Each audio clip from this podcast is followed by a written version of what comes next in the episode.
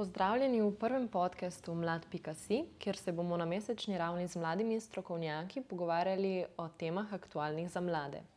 V našem prvem podkastu pozdravljam Mino Paš, sodelavko Združenja Drog Art, zasebne neprofitne volonterske organizacije, ustanovljene leta 1999 z namenom zmanjševanja škodljivih posledic drog in alkohola med mladimi.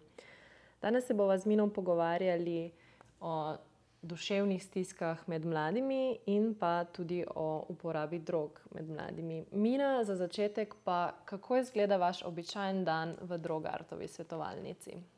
Ja, dober dan vsem skupaj, hvala za tole priložnost, za zaupanje. Um, ja, običajen dan v svetovalnici izgleda tako, da um, imamo na svetovalnici najrazličnejše ljudi, ki pridejo k nam po pomoč. Um, večinoma, mislim, naša svetovalnica je namenjena ljudem, ki imajo težave z uporabo drog, ki sami zaznavajo, da imajo težave. Se pravi, mi sprejemamo uh, v svetovanje oziroma v psihoterapijo samo ljudi, ki um, sami zaznavajo, da imajo težave, ne ljudi, ki recimo jih nekdo pošle, ker se jim zdi, da imajo problem in tako. Um, delamo zelo z vidika zmanjševanja škode um, in zelo v uporabnike usmerjeno terapijo in svetovanje. Se pravi, se z vsakim človekom, ki pride k nam po pomoč, uh, najprej pogovorimo, kje ima težave, kje zaznava največji problem in um, kaj bi želel doseči. In potem skupaj z njim delamo na, na ciljih, ki si jih, ki si jih uh, človek zada. Um, zelo gledamo na to, da ne gremo prehiter, se pravi, da se gre po majhnih korakih. Ker vedete, treba, da ljudje, ki pridejo po, po pomoč zaradi uporabe drog, prej že vse sorte probajo.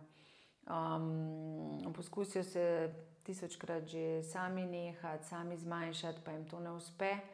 In um, to, da človek poišče pomoč, neko strokovno pomoč, je ponavadi um, že veliko, veliko poskusov ki da si sam hoče pomagati, ker še vedno ni toliko zelo v zavesti naši, da kader imamo kakšne psihološke, duševne težave ali pa težave z uporabo drog, da uh, gremo k strokovnjaku, da nam pomaga. Um, recimo, vem, če je fizično kaj z nami narobe, si zviješ gležen, zelo imaš nogo, imaš vročino, par dni skupaj, je logično, da se obrneš do zdravnika. Če imaš pa zlomljeno dušo, kot jaz rada rečem, pa uh, velikrat misliš, da ali ni tako hudo, ali ne prepoznaš svojih težav kot res tako resnih, ali ne verjameš, da ti lahko kdo pomaga. Še vedno je nažalost zelo stigmatizirana stvar, sploh če so uh, zraven še druge. Uh, tako da ljudje ponavadi zelo spozen pridejo po pomoč in je zato zelo pomembno, da ko pridejo po pomoč, naletijo na nek um, razumevajočega človeka na drugi strani, ne, da ne doživijo še enega neuspeha ali pa sodbe, ki jo ima že itak sami za dost. Ozaveščanje o duševnem zdravju je sicer posebej med mladimi vedno bolj prisotno. Ampak tako kot ste tudi sami omenili, je še vedno težava, ko pride do točke, ko mora mlada oseba poiskati pomoč. Ja, uh, mladi so zdaj v zelo, zelo nezavidljivem položaju. Mm, vemo, da je da so duševne težave pri mladih se zelo povečale zdaj v zadnjih dveh letih. Mm, karantene, um, zaprtja, izolacije, um, zaprtje šol um, so imele res obupne posledice za otroke, sploh za najstnike, za odraščajoče ljudi, uh, ki jim je socialni stik kot hrana. Če najstnik vzameš socialne stike, je v bistvu to za njega res skoraj že življenjsko ogrožujoče za marsikoga. Mm, tako da duševne težave so zelo se povečale, veliko se je izrazilo nekih težav, ki so bile tudi prej nekako tleče, pa so zdaj bolj na površje prišle. Um, In mladi dejansko niso imeli dosti izbire, kam se obrniti pri težavah, že itak je nimajo, mm, ker je ta mreža pomoči, predvsem za mlade, ki jo imamo, uh, je zelo um, neustrezna. veliko duševnih težav, tudi znotraj šol ostane neprepoznanih. Uh, veliko več otrok in mladostnikov ima dejansko težave, zdaj hude v duševnem zdravju. In um, je to nek tak, um, ne vem, preveč vsega je, no, da bi lahko s temi strategijami, ki jih imamo zdaj, um, s psihiatričnimi svetovalnimi pristopi, lahko zadevo um, zamejili ali pa mladim pomagali. Zelo veliko ljudi, eh, mladih je bilo v tem času uh, karantene, ko so duševne težave res prišle bolj ven. Ogromno jih je doživljalo hude anksioznosti, socialne fobije, uh, depresije, samo poškodovalno vedenje, to je šlo, samomorilnost. To so bili tako polni časopisi tega, da tega ne bi ponavljala. In dejansko je bil pa dostop do pomoči, je bil pa zelo omejen te dve leti. Mm, kar pomeni, da je bilo zelo težko priti na prvi pregled do uh, vem, psihologa, psihiatra, kako koli. Že itak imamo tega premalo v Sloveniji, velikrat so ljudje potem na nekih samoplačniških um, storitvah, kar za marsikoga ne pride v poštev, ker je enostavno predrago. Uh, da pa prideš v sistem, je pa tudi um, mnogo premalo obravnave in mnogo prevelika medicalizacija v prvi liniji. Premalo je možnosti, da se lahko mladostniki vključijo v neko redno tedensko svetovanje, da se družine vključijo v svetovanje ali pa nekakšne podporne mreže njihove. Um, in zato, ker je tukaj malo kapacitet, je potem preostane samo še predpisovanje zdravil, kar pa ni rešitev, zagotovo ne. ne? Zdravila lahko veliko pomagajo uh, prebroditi neke stiske, ampak niso pa rešitev bi potem kot prvi korak v bistvu lahko priporočali mladim, da se udeležijo različnih uh, tedenskih srečanj, podpornih skupin, ki jih organizirajo recimo tudi v mladinskih centrih in različnih mladinskih uh, organizacijah. Se vam zdi to dober prvi korak? Absolutno se mi zdi dober prvi korak to, da si mladi ljudje poiščejo neko pomoč in podporo tam, kjer se počutijo ok. To je fulj pomembno. Ne? Ker veliko mladih, ki imajo težave, in ki so že itako žigosani kot problematični ali imajo neka moteča vedenja v smislu vem, agresije, uh, samo poškodovanja, depresije ali kako koli, um, potem naletijo na take, taka, take nivoje pomoči ali pa take oblike pomoči. Ki jih še dodatno uh, stigmatizirajo, in velikrat odraslim ne zaupajo, prav zelo, ker um, v tem v tem, da poskusijo najti pomoč, ali pa da jim nekako odrasli izkazujejo pomoč, jih v bistvu še bolj traumatizirajo ali pa prezrejo. In zato je zelo pomembno, da se mladi obrnejo res tudi na kakšne mladinske organizacije, ki so velikrat dosti blizu uh, in bližje po razmišljanju.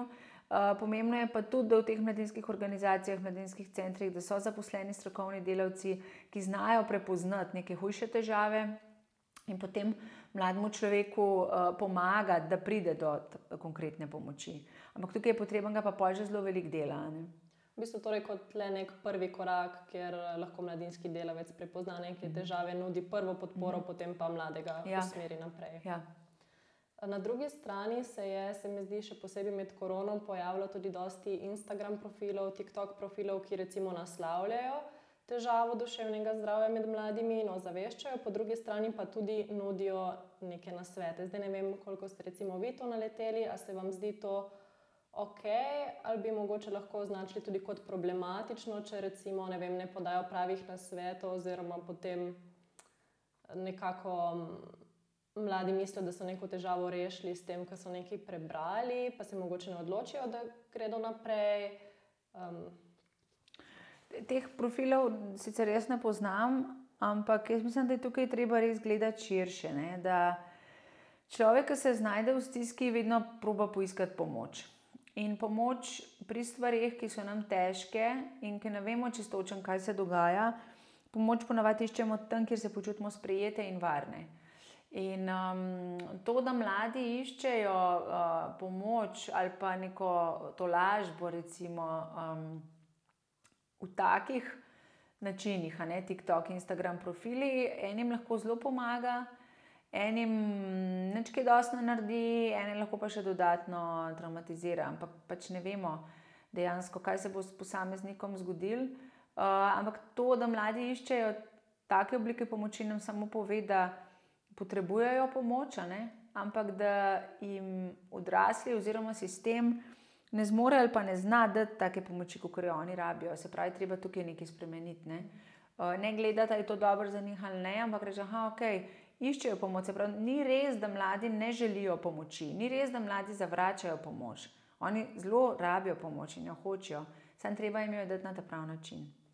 Prav to, da mladi hočejo in iščejo pomoč, se je pokazalo tudi na regijskih posvetovanjih, ki jih eh, mreža Mama izvaja v Evropskem letu mladih. Eh, v vsaki regiji se pripravi posvet in potem tam mladi diskutirajo o različnih tematikah. In na področju zdravja se prav na vsakem regijskem posvetu pojavi eh, problematika duševnega zdravja, ker pač sami izpostavljajo, da na eni strani niso dovolj ozaveščeni, in na drugi strani tudi ni nimajo dostopa do pomoči, oziroma jim pomoč ni dovolj dostopna. Mm. In kot neko rešitev so skoraj na vseh posvetih predlagali, da bi se v bistvu v okviru sistematskih pregledov, eh, teh rednih, ki jih imajo v osnovnih in srednjih šolah, uvedel tudi nek, recimo, 10-15 minutni pogovor uh, s psihologom, prav za vsakega izmed uh, učencev. Recimo, ta ideja se je v podobnih verzijah pojavila na vseh posvetih. Uh mhm. -huh. Kaj menite o tej ideji? Se vam zdi izvedljiva oziroma dobra ideja? Zem, ideja je zagotovo dobra, vprašanje pa je, koliko je najbolj optimalna. Mm, moje mnenje je, da bi se pač otro, eni otroci bi se v 15-minutnem pogovoru s psihologom, ki ga prvič vidijo znotraj sistematskega pregleda, eni otroci bi se lahko odprli, eni pa ne ker rabijo določeno, mislim, kar veliko mero zaupanja in varnosti, da to naredijo. Tudi treba je, mladostnika je treba ujeti v ta pravem, um, v ta pravem trenutku, da bo povedal. Predstavljite si sebe, recimo, prideš na nek sistematski pregled, tam klepetaš s šolci. Ne vem, vse sorte se ti podi po glavi, in potem greš na pogovor k psihologu, ki ga prvič vidiš, ki veš, da si bo vzel 15 minut časa za, za te, ki ne, veš, kaj bo iz tega pogovora sledilo. Uh, tako da je vprašanje, koliko mladih bi bilo pripravljeno v takem settingu dejansko izraziti svoje globe težave. Zato se mi zdi dosti bolj pomembno, da se senzibilizira in nekako dodatno usposobi mogoče učitele, pa pedagoške delavce, svetovalne delavce v šolah, da se malo bolj opremajo, da, da, da jih bi bilo več, recimo v šolah. Ker v šoli so učitelji in pač uh, učiteljski kader in svetovalni delavci so dnevno v stiku z otroki, spremljajo lahko njihov razvoj, malo vejo, kaj se z družinami dogaja. Ne? In je dosti lažje, ko oni vidijo, da recimo nek mladostnik ali otrok v določenem času začne se mal drugo vedenje izkazovati ali kar koli, da mu šolski uspeh pade, da se nekaj z njim dogaja. Ne? In če otroci zaupajo, da bojo odrasli delali v njim v najboljšem, eh, nekak, v najboljši veri ali pa v najboljšem, z najboljšim ciljem, eh, da jim odrasli dejansko želijo pomagati, bojo tudi povedali. Ampak otrok mora to zaupati, ker vedeti je treba, da tle so velikrat zelo hude stiske v zadnji. In um, če otroci ne zaupajo odraslim, da bojo znali te stiske uh, prav nasloviti, da jim bojo znali pomagati, da jih bojo poslušali, da jih bojo upoštevali, jim ne bojo nič povedali. Absolutno ne. Ker tle so velike zelo kompleksne stvari. Ja, to so v bistvu tudi mladostniki sami izrazili ta pomislek prav na teh posvetih, eh, ker je recimo nekdo izmed odločevalcev predlagal recimo te šolske svetovalne službe, da v bistvu potem lahko pride do tega, da jih učitelji drugače obravnavajo, mhm. oziroma jih je strah, da bo mhm. potem prišlo do drugačne obravnave in recimo, da se potem razve. In, um, tako naprej. Ja, ampak tle so druge, tle so druge stvari, ne? tukaj je treba pa na drugih nivojih delati. Zdaj, vsak strokovni delavec je zavezan močečnosti, vsak učitelj je tudi zavezan nekakšnemu varovanju uh, podatkov in tako in to. Tle, veste, tle govorimo o tej širši varnosti, ki jo morajo otroci imeti. Otrok mora vedeti, če bo svetovalni delavki nekaj povedal ne vem, za nasilje doma, recimo, ali pa karkoli, da bojo ukrepi stekli tako, kot je treba. In če bo imel dvome, da bo pol svetovalna delavka to povedala, ne vem, učiteljci, pa da se bo učiteljce to v zbornici pogovarjali, pa da bojo njega drugače obravnavali, potem seveda ne bo povedal. Ampak to je treba rešiti na, na drugih nivojih. V smislu, to se pač ne dela, to so pravila. Tako kot zdravniki ne smejo uh, tudi govoriti, recimo, stvari o pacijentih. In tle ni, ni, ni uh, na mestu razmisliti, da rečeš, ok, rajš ne bom povedal. Kaj pa, če, ne, kaj pa če bojo oni pa to naprej povedali, ali pa ja, ne moramo več narediti, to se pač dogaja. To se ne sme dogajati, pika. To sploh ne sme biti stvar debate. To smo se zmenili že zdavne, da to tako je. Mhm. In tle je treba stvari um, malo urediti širšno, ampak to so kar veliki koraki. Um, kaj pa recimo bi bili še drugi koraki za recimo ureditev uh, tega našega sistema? Imate mogoče kak um, predlog, vizijo o tem, kako bi lahko bolje delovalo, da bi bila pomoč bolj dostopna vsem mladim, ki jo potrebujejo? Oziroma, kaj bi lahko storili že na področju preventive v naši družbi? Ja, začne se že zelo zgodaj, ne? začne se že v prenatalni dobi, um, da je treba starše opolnomočiti, starše ukrepiti, um, zagotoviti neko osnovno varnost in informacije za, za starše, da niso potem starši v stresu in da lahko otroku dajo tako podporo, kot je otrok rab. Um, in pa jaz mislim, da bi res mogli mnogo, mnogo povečati um, kapacitete svetovalnih delavcev, oziroma število svetovalnih delavcev, otroških in mladostniških psihoterapeutov, sistemskih psihoterapeutov, ki lahko delajo s celo družino. Mislim, to je res slabo, da razširijo tudi malo programe, ne? da imajo otroci tudi možnost nekih ne vem, nastanitvenih programov, ne vem, programov v naravi, poletnih šol, vseh teh stvari, ki, in pa seveda redne, uh, dobre psihoterapije, ki je praktično nedostopna ljudem, ki imajo neke povprečne plače. Ne? Tle ne govorimo o, um, o tem, da res najbolj revni si ne bi mogli tega prvoščati. Ne? Redne psihoterapevtske obravnave za otroka si ne more prvoščati marsikera družina, ki v bistvu imajo neke povprečne plače. In to je res slabo. Da... Kljub večji ozaveščenosti imam občutek, da je še vedno prisotne recimo, veliko stigme v naši družbi, recimo tudi zato, da bi se nekdo potem odločil, da bi se vključil v tak program. Um, pa mislite, da je eh, razlika v generacijah, recimo, da mladi to vidijo in doživljajo drugače kot starejši, da manj stigmatizirajo. Um, ali je še vedno v bistvu prisotno v vseh uh, aspektih? Ja, to je težko reči na splošno. Zdaj, kar imam jaz stika z mladimi ljudmi, um, opažam, da je stigmatizacija duševnih težav mnogo, mnogo manjša, kot je bila. Uh, da tudi mladi dosta odprto o tem govorijo, tudi med sabo. Uh, da si povejo, vem, kdo jemlje zdravila, kdo ima takšne in drugačne težave. Se mi zdi, da je dosti manj stigmatizirano, kot je včasih bilo. No. Ne bi pa trdila za neko splošno uh, populacijo, to pa ne vem. Imate morda kakšen svet, kaj lahko vsak stori na področju preventive? Je kaj takega, kar bi lahko vsak od nas naredil za naše dobro duševno zdravje? Ja, en kup stvari je. Um, zagotovo je ta skrb zase, krepitev stika s sabo, kar se sliši tako malo mal na povrh, ampak v bistvu ni. Mm, to, da človek ugotavlja, kaj potrebuje, kaj mu je ok, kaj mu ni ok, ta čisto osnovne stvari, ne, da ne vem, gibanje, zdrava prehrana. Druženje z ljudmi, ki um, nekako nas razumejo, ker se počutimo sprejete. Mm, je pa seveda to težko v tem svetu zdaj delati, ne? ker svet je precej nor. In um, meni se zdi zelo lepa prispodoba teh raztočih duševnih težav med mladimi, da je pač to samo zdrava reakcija na nezdravo okolje.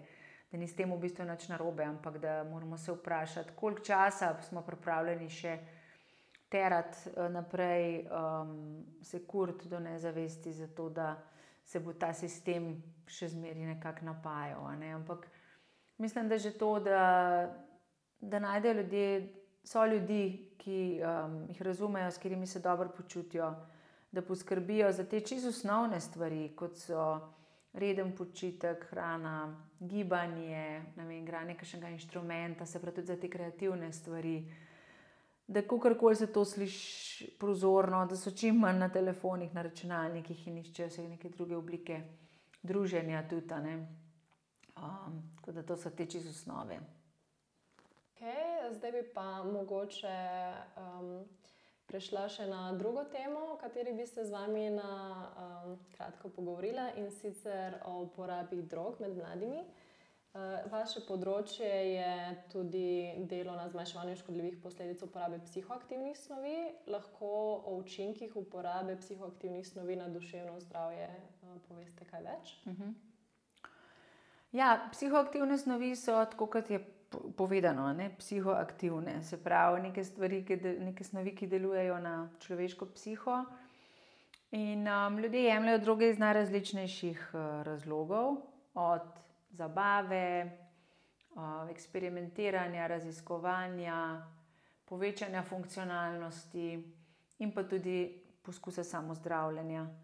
Uh, tako da vedno, ko imajo ljudje, pač, več, treba je vedeti, da večina ljudi, ki uporablja droge občasno, nima težav z njimi. Tako vemo tudi vem, ljudje, ki uporabljajo alkohol. Mm, lahko dosta redno pijejo, v smislu, da vsak teden, pa ne bojo imeli težav s tem, eni jo bojo pa imeli.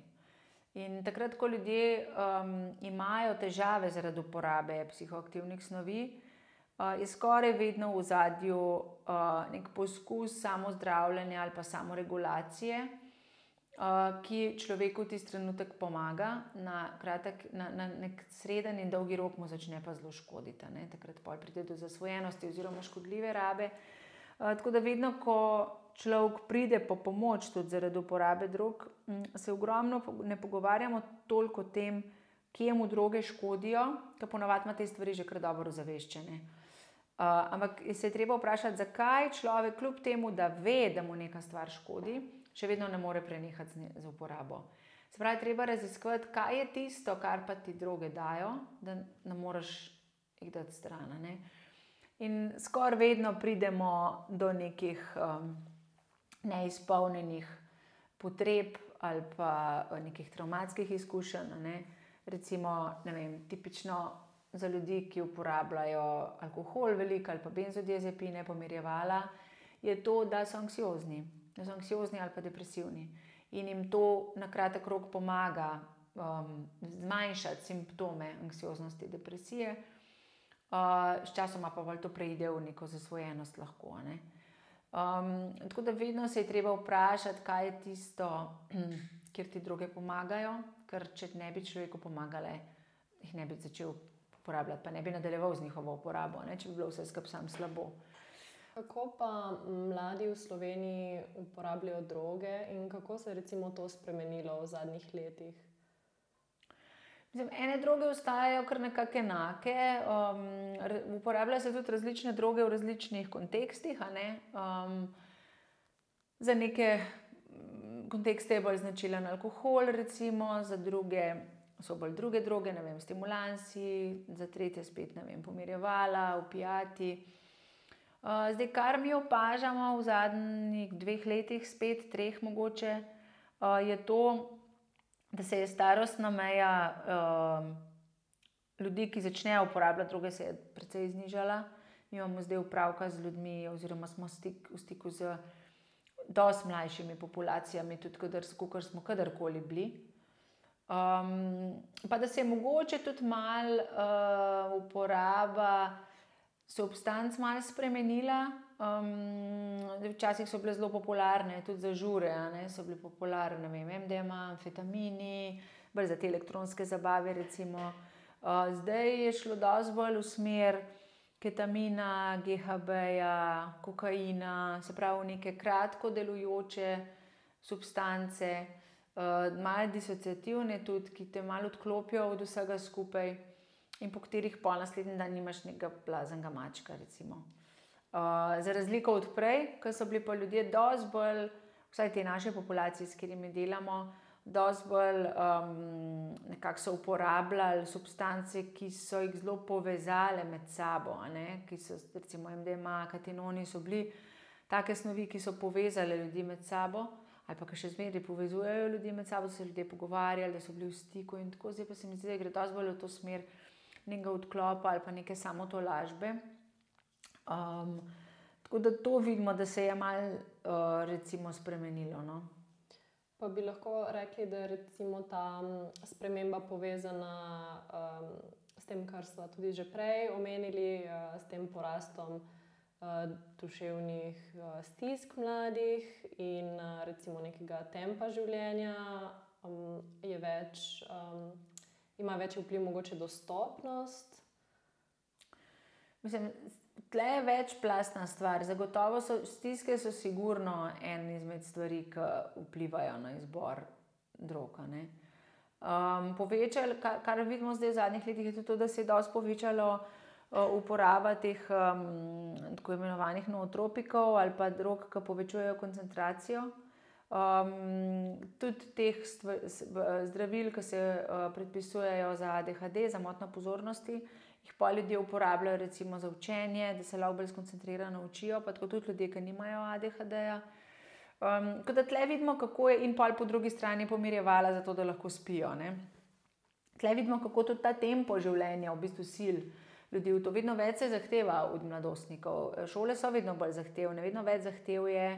Hkrati je vedno več priložnosti tudi za zabavo, tam, un, tretja, ne, ne veš, kam bi šel, hkrati veš, da imaš v ponedeljek test in potem probajo nekako to, eh, ne vem, tudi substancami si malo pomagati, ampak na dolgi rok je to res slabo. Um, in pa seveda, ja, samo zdravljenje in predpisovanje zdravil je tudi. Ne. Zdaj videli smo, da je veliko več zlorabe zdravil na recept, zdaj, kot je bilo včasih, tudi zato, ker se stvari več predpisuje. Zasledila sem, da recimo v nekaterih državah med mladimi manjša uporaba alkohola, Eh, kot je bilo v prejšnjih generacijah, oziroma kot med starejšimi, se potem na račun tega povečuje uporaba drog. Recimo, mladi manj pijejo, več uporabljajo droge, mogoče to opažate tudi v Sloveniji. Ma, težko bi rekla, mi imamo tle vseeno upravka z neko malce specifično populacijo, tako da alkohol je skoraj vedno zraven, tle nimamo kaj dost.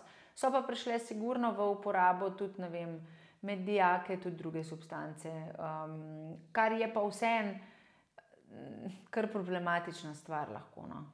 Za konec, kaj je vaše sporočilo mladim ob Evropskem letu mladih? O, to je težko. ja, mogoče to, da, da imajo ogromno enega potencijala in da razumem njihovo stisko, kar res ni lahko biti mlad zdaj v tem času v času, ko res ni neke garancije za prihodnost. Ko če malo pogledaš, kam se stvari grejo, je res slabo. Ne? In um, nekako se mi zdi tudi zelo pomembno jim povedati, da, da smo, mogoče mi, generacija njihovih staršev, tisti, ki smo kar veliko stvari zafurali. Um, in da bomo mogli oni zdaj popravljati stvari za nami, uh, in da upam, da da ne zgubijo volje in upanja, no? da v bistvu spelejo stvari tako, kot je treba. Pa da se obrnejo res na, po pomoč, takrat, ko jo potrebujejo. No? Vsaj na, na tiste ljudi, ki se jim zdi, da, da jih bojo razumeli, ker obstajajo dejansko ljudje, ki, ki jih lahko razumejo. Bi za konec mogoče dodali še eh, kontaktne podatke droga Arta, recimo, da lahko mladi, ki so v stiski zaradi uporabe drog, uh -huh. duševnimi stiskami, ja. da se obrnejo na vas. Ja. Lahko nam pišejo na mail svetovanje afnadrogart.org, pokličejo na telefonsko številko 041 730 800, grejo pogled na našo spletno stran www.drogart.org. Imamo tudi Instagram profil, Facebook profil, tako da tudi tam lahko marsikaj najdejo. Na Instagramu imamo velikrat tudi um, tako imenovane spletne intervence, se pravi, imamo neka vprašanja, pogovore. Um, prisotni smo tudi na raznih um, dogodkih nočni, v nočnem življenju, in čez dan, recimo trikrat na teden, smo prisotni na Metelkovi v Ljubljani, popoldne naši terenski delavci. V centru Ljubljana imamo tudi infotočko na Prečni ulici 6, kjer deluje dnevni center za mlade ljudi z izkušnjo uporabo drog, tako da lahko pridejo spiti kakšno kavo, se malo pogovoriti, zmeraj imamo neke aktivnosti, tudi, tako da je veliko velik enih stvari. Ok, super, najlepša hvala za hvala vam. Poslušalce pa vabim, da še naprej spremljajo portal mlad.si, kjer na dnevni ravni objavljamo novice aktualne za mlade in mladinski sektor. Enkrat mesečno pa bomo objavili tudi intervju z mladim oziroma strokovnjakom o tematikah, ki so trenutno aktualne za mlade.